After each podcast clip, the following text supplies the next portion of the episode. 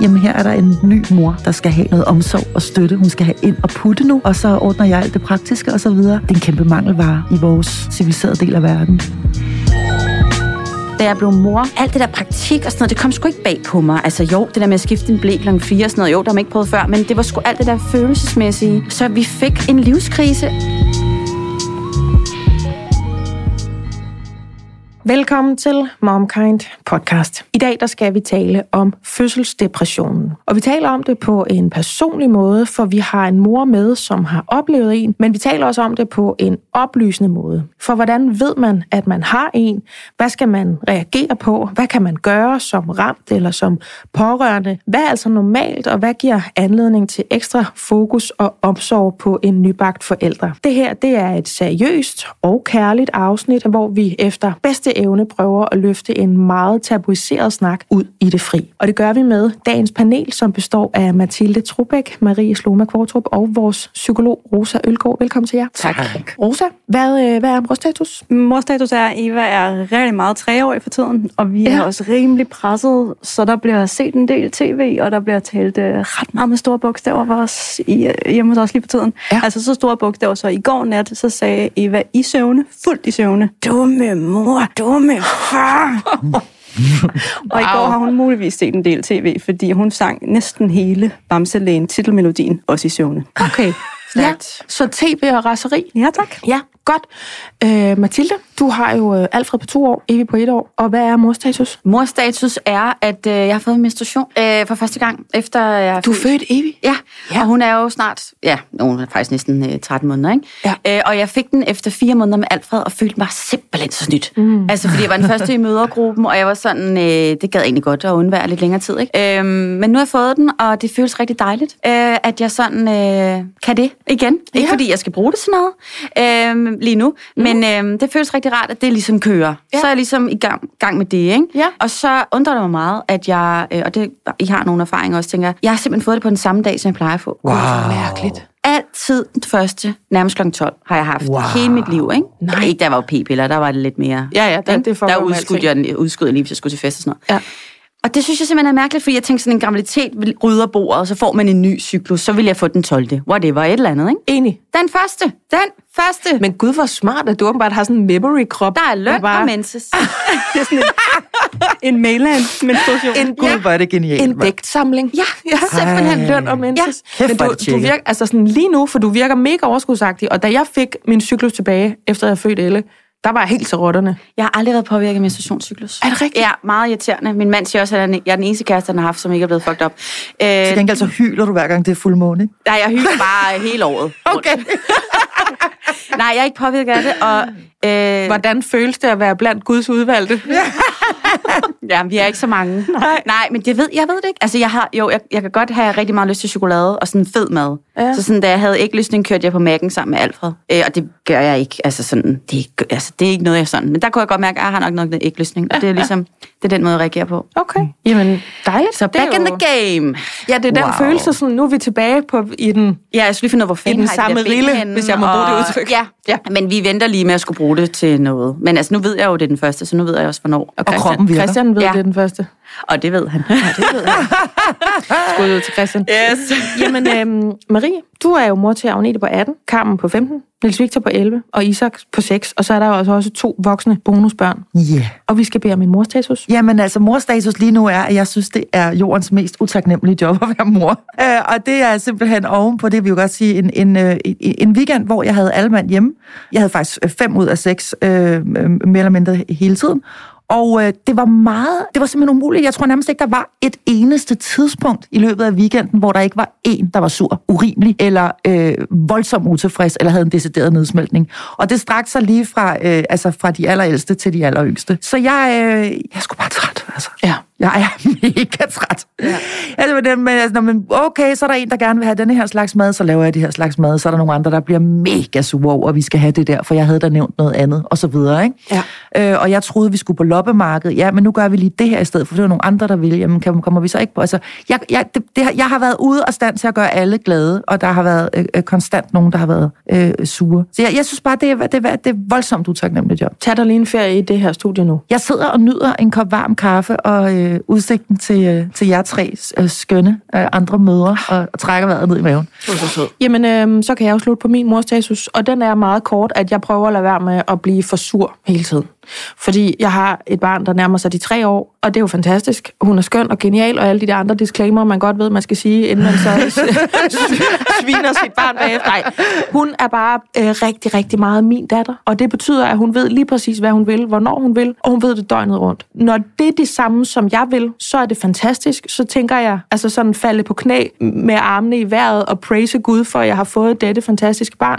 Når vi ikke er enige, så er det sådan, at jeg tænker, nu, nu skal jeg ikke, jeg kan ikke råbe mere i dag. Jeg kan ikke blive så mere sur i dag. Som, altså, jeg, der er nødt til at være et leje for, hvor irriteret man kan blive på en treårig, eller hvor meget man synes, hun kan fuck op. Så jeg prøver bare at vogte mig selv, og, og sådan tage halvdelen af kampene. Jeg er nået til det der sted, hvor folk altid siger, ja, bare vent. Jeg er der nu. Altså, jeg er nu der, hvor at, så var det et større barn, og så var det større problemer, og jeg blev mere sur, og sådan noget. Hvad er værd at, at blive rasende over, ikke? Så det er morstatus, at jeg sådan prøver at nivellere i, hvad skal jeg gå amok over, og hvad skal jeg bare blive almindelig sur over, hvad skal jeg ignorere, hvor mange af kampene skal jeg tage, øh, hvor chill en type har jeg lyst til at være. Altså, de sidste par dage har jeg været 0% chill type, jeg har taget alle kampene, bare flået hende op i badevandet, fordi hun bliver ved med at sidde og drikke det der numsevand, selvom jeg har sagt, at hun skal lade være. Øh, hvor Michael er sådan, hun skal jo vaskes, altså, det er jo lige meget, ikke? Hvor sådan, nej, det er det fucking ikke, fordi jeg har sagt til hende, prøv at, jeg har sagt til hende fem gange. sådan står og argumenterer som om, det har jeg jo sagt til dig, ikke? Og hun står bare der sådan med sin lille blæ røv, og så går det op for en, ja, okay, det kunne være, at jeg måske skulle have sprunget den over. Så det er, Du er også træt. det er mors status. jeg er træt af små mennesker, der drikker deres eget numsevand. Ja. Når de har fået at vide utryggeligt, at det skal de holde op med. Til gengæld så er jeg rigtig glad for, at øh, det er det her hold, vi har samlet i dag til at tale om et emne, som jeg har glædet mig til at tale om, fordi jeg synes, det er vigtigt, at vi får løftet det her ud i lyset. Det berører ret mange kvinder. Det er mega tabuiseret, det her med fødselsdepression. Og jeg glæder mig til, at vi skal tale med øh, vores mor lige om lidt, som altså har skrevet til mig. Så øhm, tusind tak, fordi at, øh, I vil være med til at løfte den her opgave, som jeg også synes, det er. Det her, det er Momkind Podcast. Jeg hedder Majbrit Maria Lundgaard.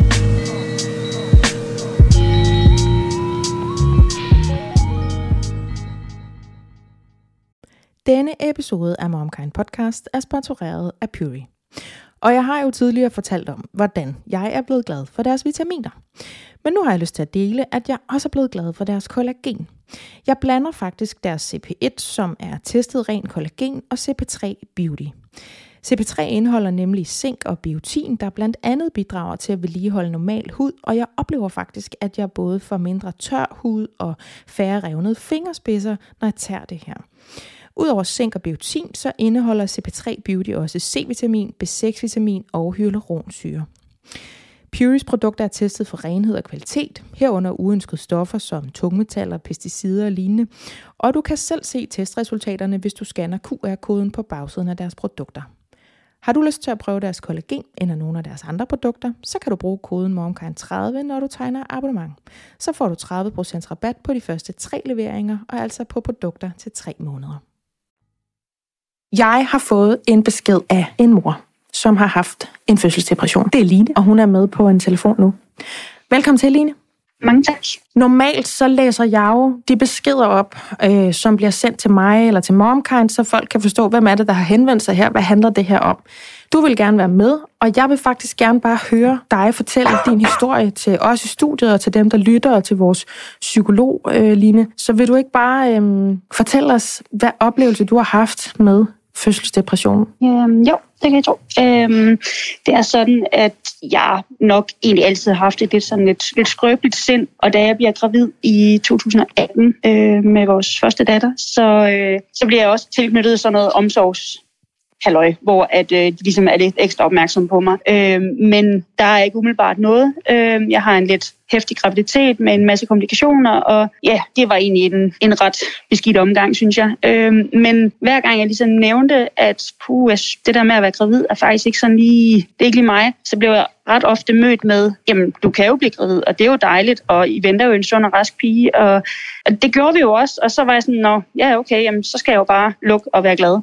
Mm. Øhm, ja, så får jeg jo Frida der i, i 19, og, eller vi får Frida i 19, og øh, de før, den første uge, der går det egentlig meget fint. Hun sover meget tiden og sådan noget, og så springer der bare en kæmpe bombe. Øhm, hun får kolik og er bare generelt rigtig, rigtig ked af det. En meget, meget ulykkelig baby, og alt i mig blev bare vendt på hovedet. Ja. Og ja, hvad kan man sige? Altså, igen blev jeg mødt med den her med, at jo, men altså, der er jo simpelthen så mange babyer, der får kolik, og det er jo hårdt, og, og sådan noget. Så lidt mellem linjen, hvad tyder du egentlig for? Det er jo hårdt at være mor, eller? Det er jo benhårdt, men, men ja. når man ikke har prøvet det før, så der springer bare en bombe i ens liv. Jo, men jeg Øh, mener og det på var den måde, at, at folk har sagt til dig, jamen det er jo hårdt at være mor. Altså på den Det måde, at så, så fanger man måske ikke, at ja, men for mig er det hårdt på en forkert måde. Jamen præcis, fordi ja. jeg begyndte jo så stille og roligt at, at få det øh, skidt, og efter de her otte uger øh, kommer sundhedsplejersken jo ligesom og, og screener mig, øh, om jeg bonger lidt ud, men, men ikke voldsomt. Øh, men hun synes alligevel, at jeg skal få en henvisning til en psykolog, og det gør jeg, men allerede der var jeg jo bravende syg, kan jeg jo godt se nu, øh, fordi jeg benægtede jo alt. Jeg benægtede jo, at jeg øh, ikke havde lyst til at være mor på den måde, at det var nok bedre, at Frida voksede op uden en mor. Jeg, jeg havde diskussioner med min mand om, at prøv at høre, det ville være nemmere, hvis jeg bare forsvandt, fordi jeg kan jo ikke det her. Jeg blev bange for babyalarmen. Øh, hver gang jeg gik i, fik jeg hjertebanken. Øh, jamen, jeg var generelt bare pissehammerende syg, for at være helt ærlig. Mm. Øh, men jeg får simpelthen overbevist min psykolog om, at jeg er jo ikke syg, jeg har en efterfødselsreaktion, men jeg er jo ikke deprimeret. Øhm, og så, øh, så i løbet af sommeren 19, så stikker det fuldstændig af, og jeg vågner simpelthen flere gange ved, at jeg kan høre babygråd, men min baby sover. Øhm, og jeg, øh, ja, jeg er helt forrotterne, og, øh, og, og kan slet ikke være i noget. Og, og til sidst, så beslutter jeg mig simpelthen for at, øh, at gå ud på psykiatrisk afdeling selv, og så, øh, så tog de så rigtig godt af mig øh, det næste lange stykke tid. Men der var simpelthen nogle, nogle signaler, som ikke blev fanget, og øh, jeg turde ikke at sige fra. Jeg troede, at jamen, når folk siger, at det er hårdt, jamen så er det bare hårdt, så skal jeg bare makke ret og være glad for, at jeg kunne blive naturligt gravid og alle de her ting. Mm. Så jeg, jeg, jeg, jeg, turde ikke, jeg turde ikke at sige noget, for at være helt ærlig. Og det var jo mega flot, fordi inde i mit hoved, jamen hvis man fik en fødselsdepression, så gjorde man jo sit barn bundt. Altså, forstår du, hvad jeg mener? At, Ja. at men så, så er det jo fordi, man har rusket sit barn. Det er fordi, man ikke giver sit barn omsorg. Vores datter manglede aldrig noget, men det gjorde jeg i den grad. Ja. Ja. Øh, men jeg turde bare ikke stå ved det. Øh, fordi at, ja, At det ja, er voldsomt sådan, det var tabuiseret. Ja. det var jo mega tabuiseret, og, og der var jo ikke nogen, der ligesom sådan bekræftede mig. Det var jo før den her man sige, bevægelse ligesom startede med, at det var okay at sige, at jeg vil gerne lige melde mig ud som værende mor i dag, fordi at, at jeg har sgu ikke lige overskud, det er sgu lidt for hårdt. Det var inden det startede der for, ja, for tre og et halvt år siden. Mm. Så der, jeg blev ikke mødt af den her mods, eller med den her forståelse, og det var bare benhårdt, fordi at jeg, jeg begyndte jo at tro på, at det var mig, den var gal med, og at det var bedre, at jeg så nok ikke var mor. Du siger, at det var cirka efter en uges tid, og så sprang der en bombe, og så gik de her symptomer så småt i gang, og Ja. at du sådan øh, igennem den her screening, som man får lavet af sundhedsplejersken, og der er det her med de otte uger og sådan noget, der, der bongede du lidt ud, men du var måske også allerede gået i gang med den der, sådan man går i flyverskjul, kan jeg forestille mig, når man bliver bange for konsekvenserne, og er der nogen, der tror, at jeg ikke er en god mor, eller mit barn ikke har det ordentligt. Så altså fra din datter er en uge gammel, og til du træder ud fra psykiatrisk afdeling igen, hvor lang tid går der så? Altså i hvor lang tid er den her fødselsdepression aktiv, og noget, der påvirker dit og din families liv? Jamen, det gør den jo fra der. Ja, hun er fra, hun er fra starten af marts 19. Jeg bliver indlagt på psykiatrisk afdeling i starten af oktober. Så der er jo ligesom gået et halvt år i skjul. Og så bliver jeg udskrevet i slutningen af januar. Så jeg var indlagt i fire måneder på psykiatrisk afdeling. Altså, jeg troede jo bare lige, at jeg skulle ud og lige have en overnatning og en enkelt, altså, en enkelt nats god søvn, ja. og så ud igen. Men jeg, havde, jeg, var simpelthen ikke, jeg var simpelthen ikke opmærksom på, jeg var så forblændet af, at hvor syg jeg egentlig var. Jeg kunne slet ikke se det. Og der var, der var helt sikkert, kan jeg se nu, nogle hvad kan man sige, symptomer, jeg skulle, have, jeg skulle have reageret på lang, lang, lang tid før. Hvad var Så, det for øh, nogle symptomer? Bare lige så vi også ved, sådan, hvor, hvor vi skal starte, og hvis der er nogen, der sidder og, og lytter og tænker, er det noget, skal jeg reagere? Eller, fordi mange af de ting, Ja. du fortæller, der sidder vi altså og nikker herinde i studiet, og kan godt genkende det. Og det er jo også noget, vi skal tale om, det her med, jamen, de menneskelige følelser, dem, de er jo universelle, dem kan vi genkende. Det er, når man har dem alle sammen hele tiden, det kan blive problematisk. Så hvad var det Ja. for nogle af dem, som, som du ikke selv øhm, sådan reagerede på, eller som, som andre ikke tog notits af? Ja, altså jeg er inde i mig, det indrømmer jeg aldrig, men, men der, der, når jeg kigger på min datter, så føler jeg ingenting. Jeg har et notat på min telefon fra, øh, fra hun er en måned gammel, hvor, at, hvor jeg simpelthen har skrevet, at når jeg ser på ordet mor, så er der ikke noget, der ringer hos mig. Altså der er ikke noget, der... øh, Jeg får ikke den her genkendelse. Der er ikke noget, der hedder mor inde i, mit ver- inde i min verden. Mor, det er min mor. Altså jeg er ikke selv mor for nogen. Jeg gjorde, hvad jeg skulle over for hende, men, men jeg havde ikke det her bånd til hende på nogen måde. Øhm, jeg sov ekstremt dårligt. Øh, jeg var bange for at falde i søvn. Jeg var bange for babyalarmen, øh, som jeg også sagde før. Når jeg var ude og gå tur med hende, øh, og hun, hun skreg, øh, jeg havde lyst til at altså, tyre barnevognen hele vejen ned ad vejen, og så bare vende om og gå den anden vej. Ja. Øh, jeg var så indebrændt, jeg var så vred, jeg var så ked af det hele tiden. Og når hun, når hun så endelig sov, så sad jeg bare stirret ud i luften. Altså jeg kunne ikke tage mig sammen til noget som helst overhovedet. Og når, jeg, øh, når hun så endelig vågnede igen, så nåede jeg bare at tænke, nej, nej, nej, nej, nu skal jeg på igen, ikke? og det kan man jo godt tænke uden at være syg, men det her, det var hver evig eneste gang, og ja. der var ikke ligesom, ja, nej, der var ligesom ikke rigtig noget glæde ved noget som helst. Der var så, ikke nogen øh, lyspunkter? Nej, og så begynder jeg jo så at udvikle de her lidt hæftigere symptomer, hvor at jeg kan høre babygråd, selvom det ikke er der. Ja, ja så, øh, og, og føle mig konstant sådan forfulgt af babygråd. Ja. Line, lige inden jeg øhm, løfter den over til vores øh, psykolog, som også sidder her og virkelig nikker og øh, ja, smiler øh, og, og skriver ned og er helt med på, hvad det er for en snak, vi bevæger os ind i nu. Hvordan har du det i dag? Jeg har det rigtig godt. Øh, jeg har jo faktisk fået en datter mere, Hanna, på et halvt år nu, og øh, jeg var jo panisk angst for at blive gravid igen, men jeg kunne også mærke, at jeg ikke var helt færdig, for jeg følte mig en lille smule snydt på den måde. Altså hvis man, hvis man kan tillade sig at sige det, nu når det er en mulighed for os at, at, få, at få børn. Øhm, det kan man godt. Det kan man godt, ja. ja. Og, øh, men da jeg ringede øh, til min læge og sagde, at jeg var gravid igen, der rullede de hele, altså, hele arsenalet ud af, vi passer på dig. Og jeg, altså, jeg har ikke en finger at sætte på det. Sundhedsvæsenet har været fantastiske, og det er jo også dem, der, altså, både de og min egen forberedelse har jo været med til, at jeg nu kan kigge på min datter og sige, hold da op, når det var sådan her, jeg skulle have det. Og det, jeg har det jo også rigtig godt med Frida nu, men vi havde en hård, vi havde en hård start, og det sætter det hele jo lidt i perspektiv, når man så kan kigge på en lille ny og sige, nå, ja, det var sådan, det skulle have været. Det er det her, de snakker om. Det var det her, de snakkede om, når ja. de sagde, at det er hårdt, men man elsker dem jo ubetinget. Ja. Så, øh, så jeg har det rigtig godt, tak. Line, jeg er simpelthen så glad for, at du skrev til mig, og at vi må øh, tale om det her. Det er så vigtigt. Så nu løfter jeg den her snak ud til mit panel, og så øh, vender ja. jeg tilbage til dig. Det er så fint. Rosa, tag os igennem det her. Altså, hvad, hvad er en fødselsdepression? Fordi vi kender til fødsler, vi kender til depressioner, så sætter vi de to ting sammen, så har vi en helt tredje ting. Mm. Hvad er det, der gør, at man har en fødselsdepression? Må jeg få lov at frække og starte et andet sted? Hvad, ja. Fordi jeg, jeg kan mærke, at jeg sidder og har holdt vejret næsten lidt, mens Line fortalt. Ja. Så jeg får lyst til at invitere dig, der går og lytter. Måske går du med din barnevogn, måske sidder du derhjemme. Jeg får lyst til lige at invitere dig til at tage en dyb indånding, og til lige at mærke efter, at det i dag, du skal høre det her afsnit. Ja. Øh, passer det lige nu, eller skal du gemme det til senere, eller skal du høre det i morgen? Hvordan har du sovet i nat? Overvej lige at trykke på pause fordi det er nogle svære ting, vi skal snakke om i dag, og vi vil gøre vores bedste til at snakke om det på en måde, så det er godt og rart og kærligt at lytte på. Men når man lige har fået et barn, hvis du har et lille barn, eller hvis du er gravid, så er du lidt ekstra sårbar, og der er øh, godt og rart og kærligt at lytte på. Men når man lige har fået et barn, hvis du har et lille barn, eller hvis du er gravid, så er du lidt ekstra sårbar, og der øh, er kan det være meget rart at være et sted, hvor der er en, der kan give dig et kram og være i nærheden. Og jeg håber, du alligevel vil lytte på vores afsnit, men bare lige gør det på en måde, hvor du føler dig tryg. Eller videre, at det er der mm. til på et tidspunkt, yes. hvor du har brug for det, kan overskue det. Yes. Ja, Eller har en pårørende, der, hvor ja. det popper op. Men, men jeg, kunne sådan, jeg, jeg kunne mærke, at jeg sad holdt vejret helt, mens Line fortalte, fordi det er nogle voldsomme ting, vi skal snakke om i dag. Ja. Og vi gør os jo umage for, at det, vi skal snakke om i dag, er en fødselsdepression. Ja. Det er ikke små reaktioner på, det er voldsomt at blive mor eller far eller medmor for os alle sammen. Mm. Det er en fødselsdepression. Ja, godt Rosa. Og hvad er så en fødselsdepression? En fødselsdepression er, når man oplever en masse depressive symptomer over længere tid efter at have fået et barn. Øhm, man kan faktisk spotte cirka halvdelen, hvis man screener allerede i graviditeten. Ja. Der vil have symptomer på at noget er off, og man føler sig lidt ekstra sårbar. Øh, man vil have en fornemmelse af, at der er noget, der måske føles sværere end for andre allerede, når man er gravid. Så er det jo en grundlæggende følelse af nedtrykthed, tristhed, meningsløshed. Og jeg kommer til at nævne forskellige symptomer nu, og det, der bliver vigtigt for mig at sige med dem alle sammen, det er, det her er ikke, hvis du lige oplever det i glemt. Det her er, hvis du oplever det det meste af dagen, hver eneste dag i minimum 14 dage, ja. hvor det overskygger alt andet. Så man må ikke sidde og have genkendelse på det her, og så stanse ude på stien og tænke, åh oh, nej, fuck, fuck, fuck. Fordi det er menneskelige følelser, vi yes. taler om, og i en fødselsdepression, der har man skrabet gevaldigt til bunke igennem en er stadig periode. Ja, fordi vi, vi har jo alle sammen en eller anden slags indre mørke med os. Og vi er jo hele mennesker, der bliver forældre. Med hele følelsesarsenalet. Så det skal vi også med ind i forældreskabet.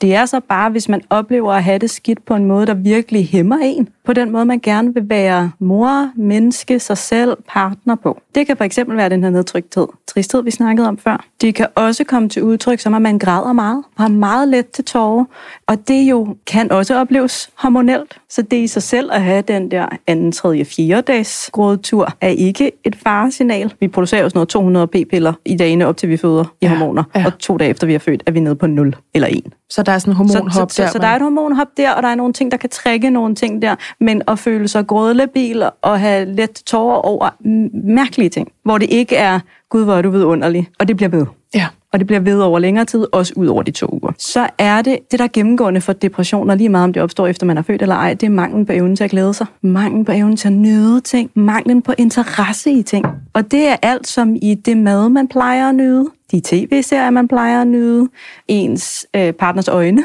eller ens barn. Det er ikke altid... Nu sagde Line det her med, at hun, hun manglede en følelse af tilknytning, eller mangl, manglende glæde over for sit barn. Mm. At være mor, det var ikke noget, hun var. Det var hendes egen mor, ja, der var præcis. mor. Ja. Så man kan godt have den her afkoblethed fra sit barn. En følelse af afkoblethed. Ja. De fleste oplever sådan en, wow, er det dig, der er mit barn? Skal vi være sammen hele livet? Det er rimelig spacey. Men man kan altså både ligge i den ene ende og i den anden ende. Man kan godt være rigtig glad for sit barn, opleve, at man umiddelbart tænker, man har gode kompetencer men, og en stor kærlighed for sit barn, men samtidig have de her symptomer. Okay. Det er sådan den manglende glæde generelt, jeg lugter efter, og jeg spørger til Ja. så er det søvnløshed, og det er der mange, der stusser over, når man bliver spurgt om det i den der screening fra sundhedsplejersken 8 uger efter, hvor, hvor de sådan, ja, selvfølgelig sover jeg ikke særlig meget. Det har lige fået et lille barn. Ja. Men det er altså den manglende evne til at falde i søvn selv, når barnet sover, eller selv når barnet er ude og gå med far eller bedstemor, eller øhm, ligger i dyb, dyb søvn ved siden af en. Så det er manglende evne til at finde ind i roen og til at, og, at finde ind i den dybe søvn Ja. så er det mm, altså træthed og manglende energi, som føles uproportional med, at man ikke får sovet så meget. Okay, så udpræget udmattethed. Gennemgående udmattethed. Gennemgående manglen på energi til at gøre ting, hvor man tænker, jeg sover ikke så meget, jeg spiser rigtig meget chokolade, jeg drikker meget cola, eller jeg holder den kørende på ting, Ja. ja. men det er alligevel vildt, at jeg ikke har mere energi. Ja. Hvis det er ens eneste symptom, Så det- skal man lige have tjekket sit stofskifte i stedet for. Ja. Det er bare sådan en lille opspå, at der, det kommer stort set altid til udtryk om det. Så hvis man ikke har de her andre ting, jeg, jeg kommer til at nævne, Ja. så skal man lige have tjekket sit stofskifte i stedet for. Det kommer rigtig tit til udtryk som manglende energi, helt vildt udmattethed, lige meget hvad man gør. Også noget, som jeg tror, at de fleste, der lytter til det her, eller måske bare har prøvet at få et barn, kan tænke, ja, selvfølgelig. Altså, jeg, jeg lever af næstkaffe. Det, Mhm. jeg, jeg er helt fucked jo, ikke? Altså, Men det er den der følelse af, at det passer stadig ikke helt ja, sammen. noget er galt, galt. Ja. Ja. Der, der er noget, der lige meget, når jeg så har fået de der par timers søvn, Ja. og egentlig har en følelse af, at jeg burde føle mig nogenlunde hjemme i min ja. krop. Ja. Det kan jeg ikke. Manglende glæde, afkoblethed, mm. dårlig Manglende søvn. appetit. Manglende appetit, ja. øh, manglende evne til at koncentrere sig. Og så er der mange, der tror, at udtrykket på en, når man har en fødselsdepression, det er sådan øh, æselagtigt fra, fra Peter Plys. Altså Ja. ja. sådan langsom og langsom bevægen i siden over i et hjørne, sådan øh, ikke responderer, ikke sådan meget hæmmet. Og Ja. det kan det godt være. Men for langt de fleste mødre kommer der altså mere sådan tierdyrsagtigt til udtryk. Okay. At det er mere sådan øh, stresset. Det er mere ængstligt. Det er mere, kan ikke finde ro. Det er, jeg hopper rundt til forskellige øh, opgaver. Øh, der, der er altid noget, der kan gøres på ikke sådan en måde af, så får jeg ordnet vasketøjet. Puha, nu må jeg hellere lige tage benene op, som de fleste af os oplever. Men sådan en, jeg kan slet ikke finde ro, når jeg så sidder og ser en tv-serie. Mit barn sover, eller er Ja. nogen, der er sammen med mit barn. Så Jeg derfor gør jeg noget. Så jeg hopper videre. Ja. Og det er faktisk det, der gør, at ret mange ikke nødvendigvis bliver fanget, fordi at det ikke kommer til udtryk som det, vi tror og ser i film, er en dyb depression, men fordi det kommer mere stresset til udtryk. Ja, og det er også for sundhedsplejersker. Det er også for pårørende, hvor det kan være svært at forstå, at det, der ligger nede under angsten, faktisk er depressive symptomer, og faktisk er en reaktion, som skal have hjælp. Ja. Så der er noget med at være ops på, hvordan det ser ud, fordi det ser helt modsat ud af, hvordan det måske opleves. Ja, indeni. og fordi man også skal tænke, at jeg får udrettet alt muligt. Jeg laver jo alt muligt. Jeg er jo ikke tung og træt og sidder over i et hjørne hele tiden. Så kan jeg jo ikke være depressiv, Nej. når der er bund i vasketøjet. Eller... Okay, ja. Mm. Så øh, er der øh, den lidt tunge ende af det, som vi også har lovet, vi skal snakke om i dag, som går Ja. på, hvis man har selvmordstanker. Ja. Altså hvis man har tanker om, som bliver konkrete om at gøre skade på sig selv eller skade på andre. Og den er så vigtig for mig at fortælle en lille smule om i dag, fordi hvis man oplever de her tanker, så skal man søge hjælp, og det skal man gøre nu. Ja. Og der skal man enten ringe til sin egen læge, eller ringe til sin sundhedsplejerske, bede om et akutbesøg, eller man skal kontakte livslinjen, hedder de nu, Ja. som har 70 201 201. 70 201 201. Ja. Ja. Og det er, hvis man har konkrete tanker, eller hvis man er i tvivl og har brug for lidt hjælp med det. Fordi der er altså en, en, en lille del, hvor det bliver farligt, Ja. og hvor man skal have hjælp, og hvor man ikke må være alene med sit barn, hvis man sidder og hører det her og har den type tanker. Modtaget. I den anden ende af det, nu tror jeg, der sidder mange og tænker, fuck, jeg har også haft noget, der minder om den her tanker, eller jeg har det, øh, hvad skal jeg gøre? Og jeg får lyst til lige, at vi skal snakke lidt om tvangstanker, Mm-hmm. som øh, jeg kalder dem brudtanker, som er følelsen af, wow, der er knive lige her. Tænk, hvis jeg tabte en af dem over min lille babys hånd. Ja. Eller øh, vi bor på fjerde sal. Tænk, nu står vinduet åbent, hvis baby lige pludselig lærte at kravle og kravlede op i vinduet og faldt ud. Ja. Eller jeg går på en befærdet gade, hvis jeg nu lige øh, mistede taget i barnevognshåndtaget, og den trillede ud på gaden. Ja. Som er i min optik helt normale tanker, der følger et enormt stort ansvar med at skulle drage, drage omsorg for et lille liv og holde et lille liv i live. Og det er der ingen af os, der stort set har stået med før. Og det er også sådan øh, kulturelt historisk set nyt, at vi står så alene med det ansvar. Og vi bliver så overvældet af det ansvar, at vi er rigtig meget alene mm-hmm. med spædebørn. Mm. 14 dage, så er de langt de fleste i mange, mange timer løbet af dagen alene. Og det er vi ikke lavet til. Så den type tanker, derfor har jeg lyst til at sige til dig, det er fuldstændig normalt. De er belastningsrelateret. Så jo mere presset du er, jo flere vil du ofte have af dem. Og jo, jo, jo mere bange du bliver for dem, og jo mindre du forstår dem, jo mere vil de ofte lave en snibboldeffekt. Vi har lavet et program, der handler om blandt andet tvangstanker, øhm, hvor vi jo også fik talt meget ærligt omkring dem. Alle, der var med i studiet, øh, havde oplevet dem, og vi fik en respons, der var fuldstændig overvældende, fordi der gik nogle kvinder, sikkert også fædre, men nu er det bare møderne, vi hører mest fra, rundt og troede, at der var noget helt galt med dem. De følte sig så skamfulde og så alene. Så sætter vi os ind i et studie og finder ud af, at det er fuldstændig normalt. Jeg havde også selv samme følelse. Altså, jeg følte, at jeg blev frikendt den dag, ikke? Mm.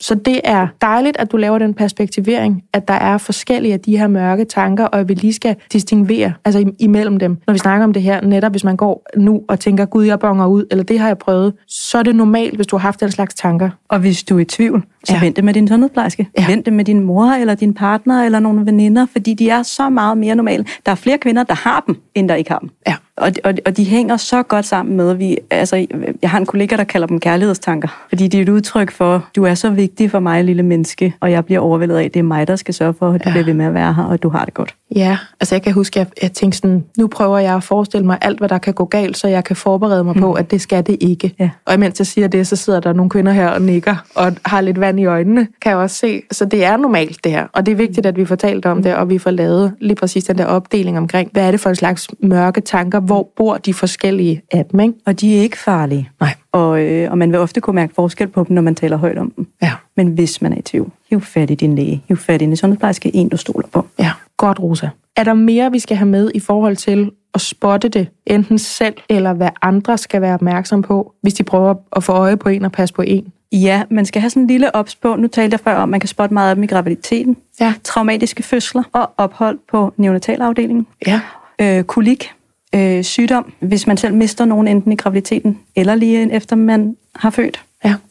Det er alle sammen sådan risikofaktorer for at udvikle bøsdepressioner. Så der skal man have en øh, ekstra aflastning, ekstra omsorg, og man skal have et lille ekstra blik på sin, hvis man kender nogen, der har haft en, en, et råt forløb af den type. Ja. Fordi det højner altså risikoen for at udvikle øh, fødselsdepressioner. Altså belastning simpelthen. Belastning Ja. af, af, af voldsom slags. Ja. Man, man ved også, at altså, kolikken, øh, jeg tænker, vi om, om lidt også skal snakke lidt om gråd og babygråd. Øhm, Det, det tænker jeg vil være naturligt, at vi ja, runder det også. Ja. Ja. Det er, når vi spotter det. Det er, når vi skal blive klar over, enten selv eller på en venindes vegne, eller en søsters vegne, eller hvad det nu måtte være.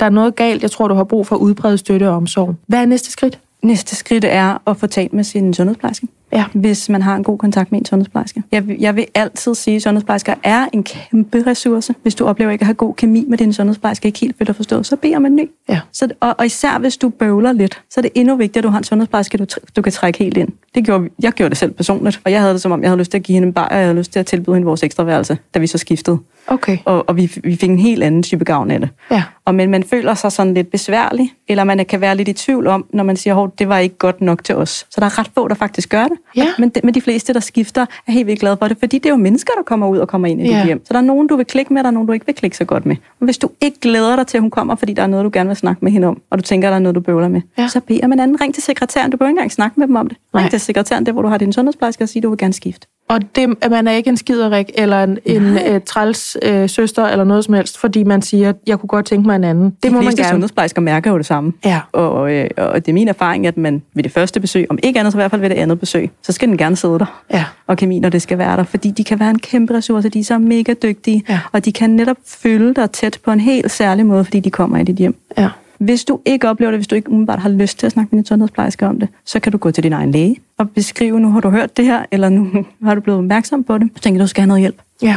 Og øh, nu har vi indtil videre talt sådan, øh, ret tungt om det, men jeg får også lyst til at sige, der skal ikke så meget til at vente. Altså, vi kan med, med, med det rette matche og den rette terapeut. Jeg vil stort set altid, når, hvis man er, har en reel fødselsdepression, Ja. anbefale, at man går i terapi. Og man går i terapi hos en terapeut, der har erfaring med lige præcis fødselsdepressioner. Ikke rene depressioner, for der er bare, som vi allerede har snakket om, nu nogle andre ting på spil, når man samtidig står og er blevet mor. Ja. Så, så det er min klare anbefaling, at man skal søge hjælp. Og det samme råd, som med sundhedsplejersker gælder, når man finder en god terapeut. Det skal være rigtig godt, og det skal være rigtig godt med det samme. Man Ja. skal gå derfra med en følelse af, det her, det skal nok gå. Det er ikke blevet fikset endnu, men jeg har lyst til at komme tilbage, og jeg, og jeg har håb for, at den også skal gå. Ja, okay. Øhm, det er jo en snak, som er nødt til at være professionel, og det er derfor, du er så meget på banen her, fordi det kan være godt nok, hvad vi føler og tænker, men inden vi går i gang med det, så skal vi lige have på plads, altså skudt helt på plads i skuret, hvad er det, vi har med at gøre her? Har vi det nu? Er vi, er vi rustet til, at jeg kan lægge den ud til øh, Maria og Mathilda, og vi kan snakke lidt om, hvad vi sidder og tænker og føler, mens vi taler om det her emne? Jeg får lyst til at sige en sidste ting. Ja, det skal du. det er, at for langt de fleste vil den er faktisk blive meget mindre efter de, når barnet er 6-7 måneder. Ja. Og det vil den både med og uden behandling. De fleste vil have det sjovere, federe, tidligere med behandling. Og man vil også have en ops på, hvis man gerne vil have flere børn, at så er der meget mindre risiko, hvis du får flere børn, hvis du har været i behandling. Ja. Men der sker altså noget ved de 6-7-8 måneder for de fleste børn, hvor symptomerne for langt de fleste vil dæmpes. Kan man sige noget om, om det er fordi, det bliver, nu laver jeg citationstegn, det kan man ikke se, fordi det her er en podcast, men at det bliver lidt nemmere, eller? Nemmere, fordi at det bliver nemmere at læse dit barn. Et, Ja. ja. fordi du kender dit barn bedre. To, fordi at en 6 måneder gammel er meget tydeligere i sine signaler. Ja. Kan, du kan ne- nemmere pege på, hvad er det, fordi du har, en brud på tværs? Er det, fordi du er sulten? Er det, fordi du er træt?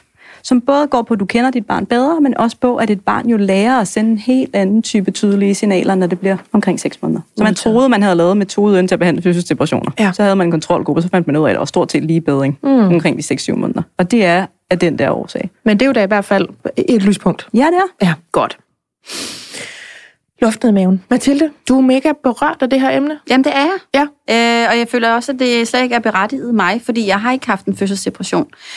Øhm, men jeg kan bare genkende så mange af de ting, som du siger. Og jeg har også bare lyst til at sige til Line, altså, jeg synes simpelthen, hun er så modig. Jeg bliver helt berørt over det, fordi jeg synes, hun står fandme forrest. Øhm, og jeg, grunden til, at jeg bliver så berørt over det, er fordi, at jeg kan jo genkende rigtig mange ting af det, som du siger. Men jo ikke på en måde, så det har været en fødselsdepression.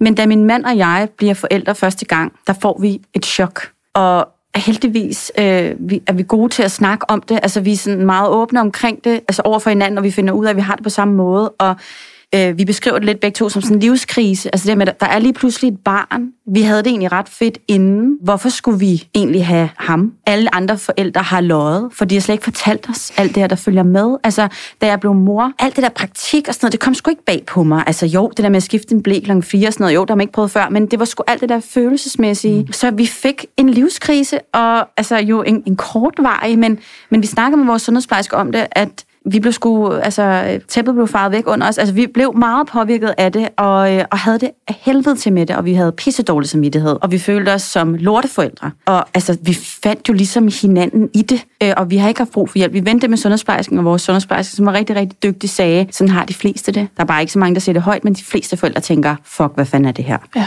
Øh, og hvorfor er alle forældre løjet? Fordi hvorfor skal man det her? Fordi det er jo for livet. Det er jo det, der går op for en. Det var det, der gik op for os. Det er Ja. for livet, det her. Vi kan Ja. ikke tage tilbage. Så jeg tror, bliver berørt af det af flere årsager. Både Line, jeg synes, det er skide modigt. Jeg synes, du siger sådan nogle kloge ting. Og jeg tænker, hvis, hvis man går og har det sådan her, så er det jo bare den her podcast, man skal lytte til. Og så bliver jeg også berørt af det, fordi jeg kan, jeg kan, jeg kan genkende jo nærmest alle elementerne i det, uden at have haft en fødselsdepression. Men det er, fordi du er menneske, Mathilde. ikke? Ja, jo. Ja. Jeg er helt... Øh, ja, jeg skal lige huske at trække vejret, fordi... Øh, og det er også fordi, jeg synes, den er så vigtig, den her podcast. Det er også derfor, ja. jeg sidder og bliver helt øh, berørt af den. Ja. Øhm, et stykke er godt, vi får snakket om det, så det ikke bliver så tabuiseret, fordi det er jo bare et tabu at sige, at man helst gerne ikke vil have det der barn af dig. Altså, sådan havde mm. jeg det selv nogle gange, og har lyst til at skrive ind i et håndklæde. Og det kan jeg stadig have mm. her, når de er to og et år. Øhm, så jeg synes bare, det er mega vigtigt, at vi snakker om det så meget som overhovedet muligt. Ja, og for, for pustet noget, noget luft og, og noget lys ind i det her emne, som jo er grumt og tungt nok i sig selv. Så du ved, kommer der lige pludselig et comic relief, eller finder man en sprække af lys i det hele, så er det ikke fordi, at man ikke har respekt for det. Fordi det er tungt. Det kan vi ikke ændre på. Det er hårdt at være i den situation. Men vi er nødt til at tale om det på en måde, så det bliver tilgængeligt. Så det ikke bliver ved med at være i den der tabuiserede knude der. Og det er det, jeg også øh, blev berørt over med Line. Hun har fået et barn mere, øh, og tænker nu, ej, det var sådan, det skulle være. Og det er også det, jeg bliver berørt af. Fordi det giver fandme håb. Altså, fordi vi havde også lyst til at få en til, og jeg, jeg, vi havde ikke nogen fødselsdepression, men det var en omvæltning. Det er en omvæltning, og jeg tænker nogle gange tilbage på mit gamle liv og tænker, fuck, det var også fedt, ikke at have noget ansvar. Ikke? Øh, så jeg skud ud til Line. Altså. Ja, mega skud ud til Line, som jo lytter med. Ja. Marie. Ja. Du har også erfaringer med øh, depressionen. Ikke med fødselsdepressionen, ja. men med depressionen. Mm. Så jeg kan jo også se den der øh, varme genkendelighed og det der kærlige smil i dit ansigt, når vi sidder og taler om de her ting. Fordi ja. du er sgu ikke bange for at snakke om det, der krasser på knoglerne. Nej. Det er jeg ikke. Jamen, jeg, jeg har været øh, øh, ramt af depression flere gange i mit liv, og har kæmpet med angst hele mit liv, øh, og gør det stadigvæk. Og de to ting vil mange jo vide, der har oplevet det, er jo tæt forbundne. Så, så jeg, øh, jeg kan genkende alt, hvad Rosa siger. Jeg kan øh, genkende alle, altså øh, den der liste med, med symptomer. Øh, og især det forfærdelige sted øh, at befinde sig, hvor man ingen glæde har ved noget, hvor man ikke har lyst til noget længere, hvor ikke, engang, øh, man ikke engang åbner døren, når det ringer på, selvom det er ens bedste veninde, der står udenfor. Øh, hvor man ikke kan få sug i maven over noget. Eller jeg, jeg, jeg har i hvert fald selv befundet mig et sted, hvor øh, det er muligt, den med grødelabiliteten også er et symptom, men jeg synes næsten, det er endnu værre slet ikke at kunne mærke noget. Ja. Altså, hvor jeg simpelthen har været i perioder fuldstændig ude af stand til at føle noget som helst. Som sådan en slags zombie. Sådan en zombie-måde at gå rundt i, i verden på. Med nedrullede gardiner, og øh, det helvedes øh, foregår, fordi når, når, når, når, først, øh, når først du tager det at glæde sig til noget, eller glæde sig over noget, og det være sig en croissant, eller at se på en sovende baby, eller kigge på sin mand, eller hvad det nu kan være. Øh, når først man tager det ud af, af livet, og alt det bare bliver gråt i gråt, så bliver det farligt. Altså, så, så det er et farligt sted at befinde sig, fordi hvorfor i alverden skal man så være her? Altså, ja. hvorfor skal man befinde sig i noget, hvor ikke bare himlen er grå, men øh, hele horisonten er grå, og ligegyldigt hvor man glor hen, så er det gråt, ikke? Så, så, så, så derfor ja, det er vanvittigt vigtigt at tale om. Så beder jeg mærke en anden ting, som også rører mig rigtig meget, og det er, når Rosa hun siger, øh, det her med, at vi er så forfærdeligt meget alene i vores del af verden. At vi, øh, vi, vi får vores børn, og så hvis vi har en partner, så er vi heldige at have han eller hun hjemme de første 14 dage. Og så er vi ellers bare alene. Og det er så forkert. Altså, det er, der er noget grundlæggende så forkert. Og der findes et gammelt, øh, fantastisk afrikansk ordsprog, der hedder It takes a village to raise a child. Og altså, udover at det er fuldstændig rigtigt, at det at være mange mennesker omkring et barn er en kæmpe berigelse, og det at vokse op som en del af en flok og høre til et fællesskab er en kæmpe berigelse for et hvert barn, så tager det altså også a village to raise a mom, eller to make a mom. Altså har jeg lyst til at sige det der med, at man har jo ikke bare en eller anden knap, man kan trykke på, selvom man tror det, og selvom vi er biologisk øh, disponeret til at få børn, og det er derfor, vi er her og så videre. Vi kan det ikke bare Øh, så, så al den her usikkerhed og så videre, som møder os, og gud, føler jeg det nu rigtigt, gud, altså, måske elsker jeg ikke nok, eller måske gør jeg et eller andet forkert, eller åh oh, nej, mit barn kan ikke lide mig. Eller, altså, det er jo alt det, som i virkeligheden er fuldstændig naturligt. Hvis ikke vi har andre kvinder, som har prøvet det før, og hurra i øvrigt for den her mob, øh, podcast, hvor vi, hvor vi deler ud, og hvor vi sidder med alle vores forskellige erfaringer og siger, hey, langt det meste er det fuldstændig normalt. Du skal høre, jeg har haft det sådan der mange, mange, mange, mange, mange gange. Øh, og alle jeg kender har også haft det sådan. Men det her med at have folk tæt på sig, det er vi ikke særlig gode til i vores kultur. Vi, er, hvor vi, vi går på arbejde alle sammen, og vi har så travlt, så travlt, og det med at bo flere generationer under samme tag, og, og, eller, eller i hvert fald tæt op og ned af hinanden, og virkelig bare støtte op og være der på den mest kærlige, omsorgsfulde måde, og kunne se, jamen her er der en ny mor, der skal have mm. noget omsorg og støtte. Hun skal have ind og putte nu, og så ordner jeg alt det praktiske og så videre. Det er en kæmpe mangelvare i vores civiliserede del af verden. Jeg er så heldig at være vokset op i en familie. Den er så heller ikke, øh, der er ikke danske rødder, men, men hvor en, vi har en del af det her med sådan at rykke tæt sammen. Og, og nogen vil også sige, gud, det er alt for voldsomt og alt for meget og så videre. Men en kæmpe berigelse at have familiemedlemmer, tætte relationer, og især, synes jeg, kvinder, som er lidt ældre end en selv, øh, tæt omkring sig, som, som, øh, som bare kan det der pis. Altså, og som lige viser, nu skal du se her, sådan her, så bosser du lige ham af, og bum bum, og så går du ud i ud og tager et bad, og sådan noget, og så går du ind og ligger der bagefter. Mm. Lidt, lidt, lidt bossy må de faktisk godt være. I hvert fald til min smag. Nogle, ja, det er sgu meget kloge ældre Ja, kvinder. ja, som bosser en lidt rundt der. Ja, det har man godt af. Jeg klynger mig lige fast i noget, du sagde, Mathilde. Det der med håb, også i forhold til, når du siger, Marie, himlen er grå, men det er horisonten fandme også. Det har jeg prøvet. Det har jeg også prøvet. Og så får jeg lyst til at fortælle, altså fordi det skal jeg, det er det, vi gør i den her podcast, men jeg får lyst til også bare lige sådan at programerklære, inden jeg gør det, at man må gerne bruge mig som et eksempel på, hvor godt det kan gå, øh, hvis man har øh, været helt nede i møgelortet og er bange for at sige det, og benægte det, apropos det her med, at vi er langt fra hinanden, vi taler ikke sammen, vi hjælper ikke hinanden, man kan smutte igennem en screening, alt det her. Fordi jeg fik en form for efterfødselsreaktion med min datter. Hun havde ikke kolik, men hun havde noget derhen af. Jeg kan genkende alt det, vi lige har øh, været igennem. Jeg kan ikke genkende det øh, 24-7 øh, hvert sekund, men jeg kan genkende det i de der glemt, der er til sammen med en fødsel, der endte i et akut kejsersnit, og et meget selvstændigt liv op til da, og en ret besværlig graviditet, nok har skrabet til den bunke, der gjorde, at jeg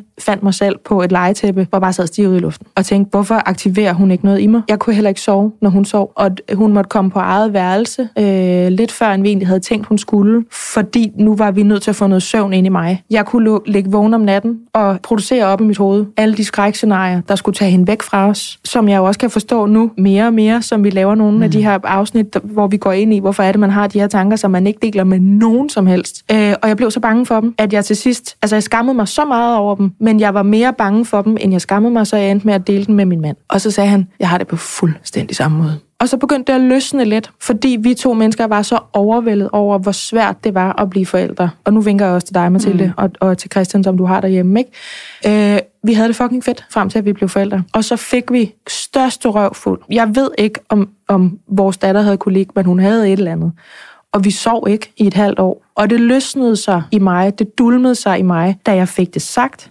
Og det gjorde jeg først hen imod, at min del af barslen var slut, og min mand skulle tage over, og jeg kom tilbage på arbejde. Det er ikke en opskrift, som jeg vil råde nogen til at følge, fordi jeg sagde det ikke til nogen. Men når jeg programerklærer, at jeg vil gerne være det håb for folk, som sidder og tænker, jeg tør ikke at sige det, og jeg siger, jeg vil gerne være et eksempel på, hvor godt det kan gå, så siger jeg det, fordi jeg er gravid igen, og jeg har det så fantastisk. Jeg er så glad for vores datter, jeg er så glad for min mand, og når jeg fortæller om det, og når jeg hører, hvad Line fortæller, når jeg hører, hvad Rosa siger, så bliver det sådan en kontrast, hvor jeg kan pludselig se, hvor dårligt jeg egentlig havde det dengang, fordi jeg kan mærke, hvor godt jeg har det nu. Giver det mening? Ja, 100%.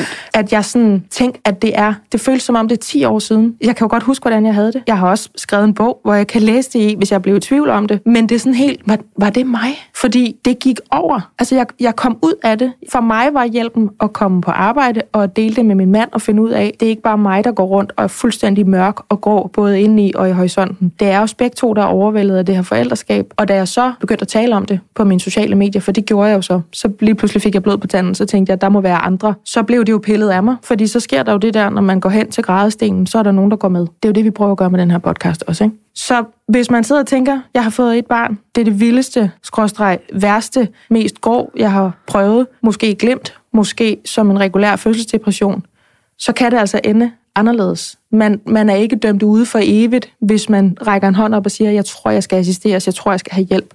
Man må ikke blive bange, når man hører det her. Man må ikke blive så trigget, at man diagnostiserer sig selv og tror, man har en, en fødselsdepression. Det ved jeg godt, at jeg ikke havde. Men vi oplevede nok det samme, som I gjorde, Mathilde. Og vi er siger jeg bare nu, uden at have nogen forudsætninger for det, bare helt almindelige mennesker, mm. altså, som fik et barn for første gang. Ikke? Blev det noget rod, jeg Nej, sagde der? nej. Okay. Rosa, noget af det, det kan jeg jo se, når jeg kigger tilbage, og det kan jeg også mærke i mig selv, når jeg taler med nybagte møder om det i dag, som triggede os allermest derhjemme, og som vi også allerede har sagt, den vender vi lige tilbage til. Det er gråden. Mm. Tal med os om den. Gråden er jo meningen, at den, den er lavet til at aktivere vores omsorgsgen. Ja. Spæde børnegråd skal aktivere vores stresssystem. Ja.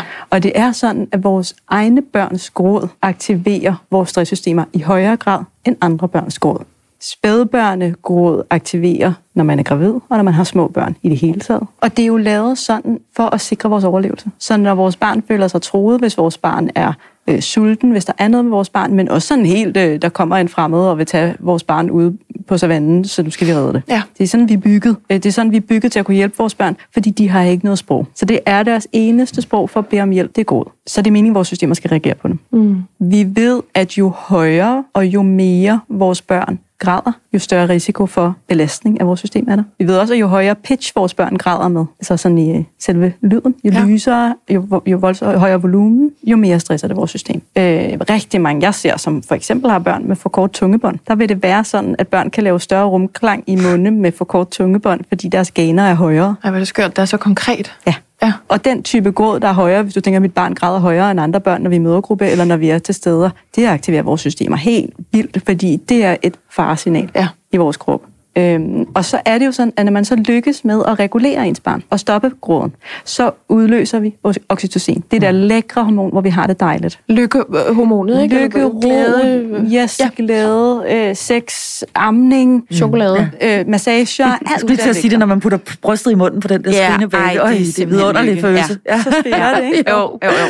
Og det er lavet så smart til, at vi gerne har, vi har lyst til at amme. Ja. Det er lavet så smart til, at vi har lyst til at trøste et barn, fordi vi ved, at der venter en belønning i den anden ende. Og det bliver så sådan en positiv cirkel for de fleste af os af, så tror jeg også på mine egne kompetencer. Ja. Hvis du har et barn, der kunne ligge, så får du ikke den der lækre cirkel af at kunne berolige dit barn. Nej. Og det vil stresse dit system helt vildt. Derfor er der noget omkring gråd.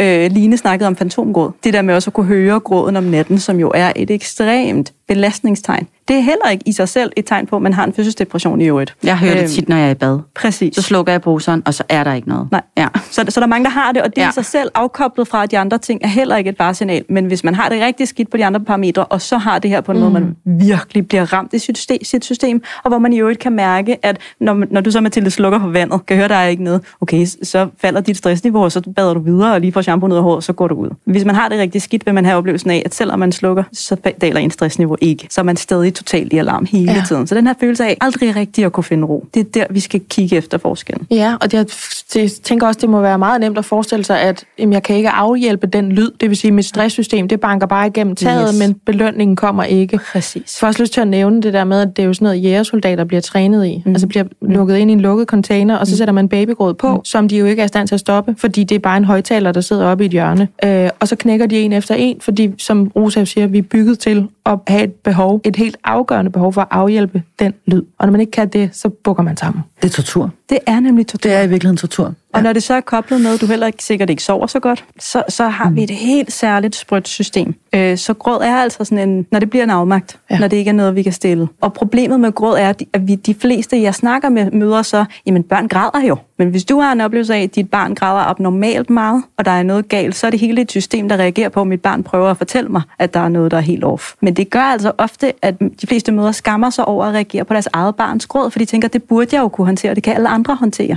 Det kan man ikke, det er ikke meningen, man skal kunne det slet ikke, hvis et barn græder så meget, som man gør, hvis man har kolik. Man kan også blive bange for det. Det har jeg i hvert fald Ja. oplevet med et kolikbarn. Ja. Jeg har helt gudske tak og lov kun haft et, et øh, barn med kolik. Men jeg blev simpelthen bare altså, regulært bange. Altså simpelthen for, for altså, angst ja. præget i forbindelse med shit. Også fordi øh, kolikbørn starter jo tit på det samme tidspunkt hver dag. Og jeg, for mig var det klokken 17. Og jeg vidste simpelthen, at jeg begyndte sådan allerede at svede i håndfladen, når klokken den var omkring 15.30. Ikke?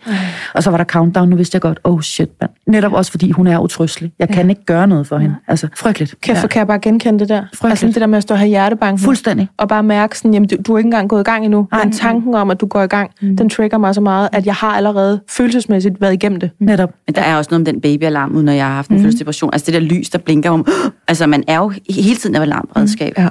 Den der babyalarm hjælper jo ikke på det. Vi er faktisk lidt på vej ind i det nu. Du sagde det også før, det her, Rosamund. Ja, men børn græder jo. Mm. Det sidste, jeg godt lige kunne tænke mig, at vi runder, inden vi så tager uh, Line med igen, det er jo det her med, som vi jo også har sagt flere gange nu, det kan jeg godt genkende, eller mm. Det har jeg også prøvet. Hvis man øh, vinkler den en lille smule og siger, også i forhold til det, Line fortalte os før, jeg har sagt til folk, at jeg synes, det er hårdt. Jeg har sagt til folk, at jeg har det dårligt. Jeg har sagt til folk, at jeg ikke sover om natten. Jeg har sagt, hvad jeg turer at sige til folk, får jeg lyst til at sige, for der er jo noget, de fleste mennesker holder tilbage, sådan er vi jo altså indrettet. Og folk de så bare siger, ja, men under en bred overskrift, hvad havde du regnet med? Mm. Børn græder jo, eller ja, man sover jo ikke så meget, eller nej, det, man er så udmattet, at man slet ikke kan mærke noget. Og man på den måde går i citationstegn fri, eller kan gemme sig, eller ikke bliver taget alvorligt, at alle de her alarmknapper ikke bliver trykket ind. Hvad gør vi med det, Rosa? Jamen, så lad os gå til i stedet for, hvis, hvis man oplever, at der ikke er helt nogen, der forstår en. Ja.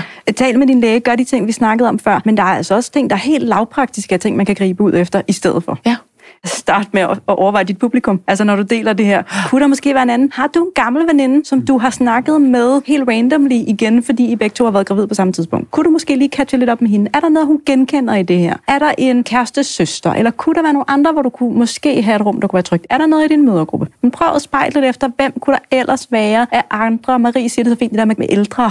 Vi har brug for ældre. Det er der, hvor vi også har brug for et barselstilbud, for vi har brug for, nogle, der er nogle gamle gavede jordmøder og sundhedsplejersker, der står og guider os helt godt i gang med det allerførste. Det har vi brug for, for vi aner det ikke. Når vi skal lære noget nyt, når der er ikke noget, vi kan i forvejen, så skal vi have hjælp.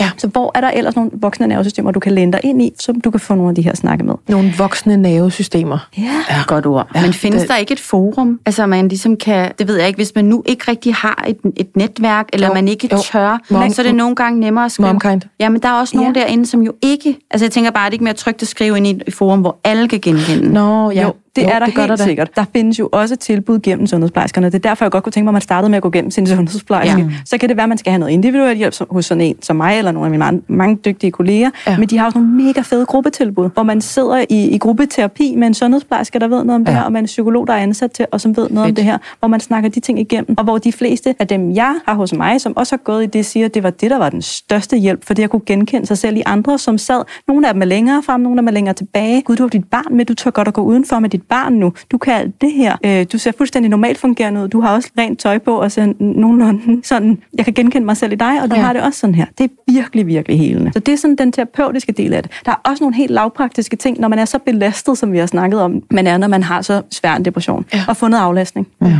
Få noget aflastning på ting, der ikke handler direkte om baby. For hvis man er nervøs for, om man er god nok som baby, så skal man ikke have et helt arsenal af bedsteforældre, eller folk, der kommer ind og tilbyder at tage baby. Mm-hmm. For det signalerer bare til mor, du, vi tror ikke, du kan finde ud af baby. Ja, god nok som mor. Mm. Præcis. Ja, ja. Så, så kom nu med noget mad. Øh, Læg, din, læg trusserne sammen. Tilbyd at vaske tøjet. Øh, Fyld køleskabet med mad. Ja. Fold mors trusser. Øh, server noget te. Øh, hjælp hende med, at hun får spist hele tiden. Får Frit, skrab øh, ansvarsområderne. med mindre du synes, det ville være vildt lækkert, at din øh, mor eller nogen, du kender, undskyld, vi hoster, øh, at nogen, du kender, går med barnevognen. Men det skal ikke være det, man per default tilbyder en mor, der har det svært. Nej. Man skal tilbyde noget praktisk hjælp. Ja. Så kan det, nu snakker vi om går, så kan det hjælpe at tage ørepropper i. Simpelthen for at tage toppen af det, fordi så tager man toppen af det, der påvirker nervesystemet. Man kan godt have det sådan lidt dårligt med at gå rundt med sit barn med ørepropper i. Man skal også tage dem ud indimellem. Men det er altså noget, der tager toppen af belastningen i selve lydpåvirkningen af, af belastningen. Så vil jeg sige, vælg to til tre mennesker i dit liv, hvis råd du stoler på. Lad være med at søge hjælp fra alle mulige på en gang. Lad være med at dele det her i alle mulige fora, yes. som, hvor du ikke nødvendigvis føler dig tryg til at starte med. Øh, og jeg plejer at sige, at det skal altså gerne være nogen, der enten selv har børn under to år, eller har noget opdateret fagviden om det, fordi Ja. man glemmer det. Ja. Man glemmer, hvor voldsomt det var. Men vælg lige et par- par personer, som du bruger. Få nogle pauser, hvor der er nogle andre, der har babyalarmen. Hvor du ikke har babyalarmen med ud i det der bad, men stå i bad og gør én ting ad gangen. Lav mad, når du laver mad. Gå en tur, når du går en tur. Hvil dig. Lig dig bare ned i 5 minutter hver dag, hvis du kan det. Uden noget andet. Hvor det ikke er dig, der har babyalarmen. Og så søvnhygiejne for dig selv. Sørg for, hvis du kan, at de første 3-4 timer, hvor barnet sover om aftenen, ofte er det, når de er de der første måneder, er det fra 20 og frem efter. Hvis du kan få et stræk der på 3-4 timer. Allerførste stræk, du lægger dig ned på din hovedbud, er det mest gen- regenererende. Og det råd i sig selv er det, jeg vil starte med. Ja. Hvis du kan det, og hvis du har en partner, der kan tage barnet de første, gerne 4 timer. Vi skal gerne over de 3 timer. Ja. De allerførste timer, du sover om natten, så kan man faktisk holde til ret meget afbrudt søvn. Det er, hvis du bliver vækket efter en time eller mere, at så begynder du ikke at få hvile. Så den der type hvile. Og det er sådan nogle ret håndgribelige måder. Ja. Og så får jeg lyst til at sige en sidste ting også i hele det her. Altså ud over alt det, vi har snakket om med, nu med We should all be mothering the mother. Mm. Vi skal vise omsorg, der skal være plads. Og man skal ikke ud og have det så dårligt, hvor man er selvmordstanker, for man fortjener at få noget hjælp. Vi må gerne ligge i hele gråzonen af det, vi har beskrevet. Jeg synes jo ikke, det skal være så hårdt, som vi beskriver det nu, og som både du, Mathilde, og du, Maj-Britt, også beskriver, det har været i perioder. Ja. Der er noget sådan lidt kvindeundertrykkende i, vi skal finde os i at være i noget, der er så voldsomt hårdt, bare fordi det er jeg, hårdt tror, få børn. jeg tror, vi kunne have haft brug for noget hjælp, men vi øh, var jo i tvivl om, nogen ville tage hende, havde mm. nær sagt, altså, eller mm. om vi ville blive stemplet, eller sådan, hvis vi gjorde noget som helst. Og så løste det sig. Men med det, jeg ved nu, både fordi jeg lavede den her podcast, men også fordi jeg så har talt om det efterfølgende, finder jeg ud af, det er ret normalt, mm. og vi skulle nok have haft noget hjælp. Mennesker trænger mennesker. Ja. Så vil jeg sige, der kan være nogen, der sidder ude nu og tænker, hov, måske min partner har det her. Måske far eller medmor har noget af det her. Det er jo ikke kun relateret til den fødende. Faktisk kan noget af det blive værre, når man står på sidelinjen og ikke har født, og ikke har mulighed for den der oxytocin-ros ved at amme. Mm. når man ikke kan problemløse. For afmagt er noget af det værste, vi mennesker ved, når vi ikke er herre over en situation. Ja. Så her lige, kig lige lidt ekstra kærligt på din partner. Måske foreslår, at han hører det her afsnit, som du har hørt, eller hun hører det her afsnit, som du har hørt. Fordi det kan jo også være en måde, man går og lige pludselig bliver berørt på. Tusind tak, Rosa. Hvor er du god. Nu, øh, nu tager jeg Line med igen. Line, er du med os? Det er jeg. Hvad tænker du om den her snak? Jeg tænker, den er, at den er spot on. Og der har været så mange gange, hvor jeg har sådan siddet og nikket og tænkt, ja, ja, ja, check, check, check. Og netop, som jeg også lige kommer ind på nu her, det behøver ikke at blive så voldsomt, som det var øh, for vores vedkommende herhjemme. Men det her med, at vi, vi tør turde sige, det her det er fismemads med hårdt, og det her, det, det, det gør nas. Altså, øh, og jeg tror måske, jeg har brug for hjælp uden at man bliver stigmatiseret, uden at man bliver dømt på det. Fordi det første inde i mit hoved, det var, jamen hvis jeg siger nu, at jeg har det skidt, så det næste, der kommer, det er en underretning på mit barn, eller et eller andet, de tror, jeg mishandler hende, eller i den stil. Fordi man kan jo godt gå og have det rigtig skidt, og kunne blive, nu siger jeg, reddet i situationstegn, øh, inden det går så galt, at man, man havner fire måneder på syg. Men vi skal turde åbne op omkring det, og vi skal turde at, at tage hånd om det, og ligesom sige, okay, jeg forstår godt, det er hårdt, du skal vide, der er de og de muligheder, fordi at blive mødt med, jamen det er jo hårdt, eller ja, dit barn græder, det er jo naturligt, at børn de græder. Det gør bare, at man, man stiller sig over i skammekrogen, og bare sådan helt, når, når, så holder jeg bare min mund igen, fordi så, er det jo, altså, så skal jeg jo bare, bare være sådan, det skal jo bare være sådan her. Ja. nej, det skal det ikke. Altså, vi skal ikke rende rundt i en kæmpe lykkerus øh, fra morgen til aften, fordi det er benhårdt, men vi skal også vi skal ture og skabe et rum, hvor at det er okay at sige, jeg tror, jeg har det skidt, uden at man netop møder modstand på den måde, som, som jeg i hvert fald synes, jeg har oplevet. Ja. Line, hvis nu der er nogen, der hører det her, som sidder og tænker, jeg kan genkende det her her så meget, at jeg tror, jeg skal gøre noget, eller jeg er lige sådan, jeg er lidt i tvivl, eller jeg tror, det angår mig, men jeg er ikke helt sikker, eller jeg kan virkelig mm. genkende mig selv i hende der Line.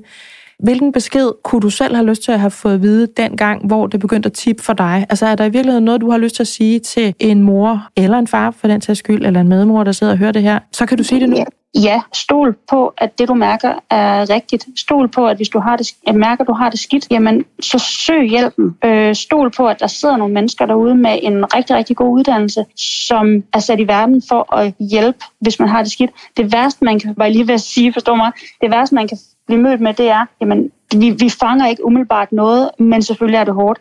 Tag det i opløbet. Det behøver ikke at, at blive så slemt. Og der er, der er hjælp at hente derude, og det er der rigtig mange steder, og de står klar til at gribe alle sammen. Så ja, benyt jer af det, og vær ærlig. Tro mig selv, det man mærker, det er som regel rigtigt nok.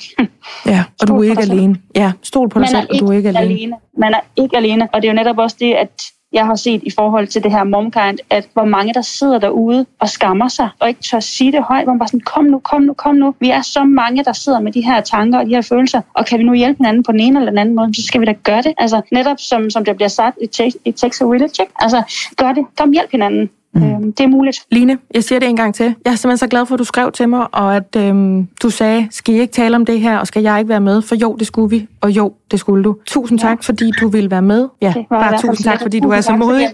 Jamen, det kan du tro, du måtte. Tusind tak, fordi du var med, Line. Ja, selv tak da.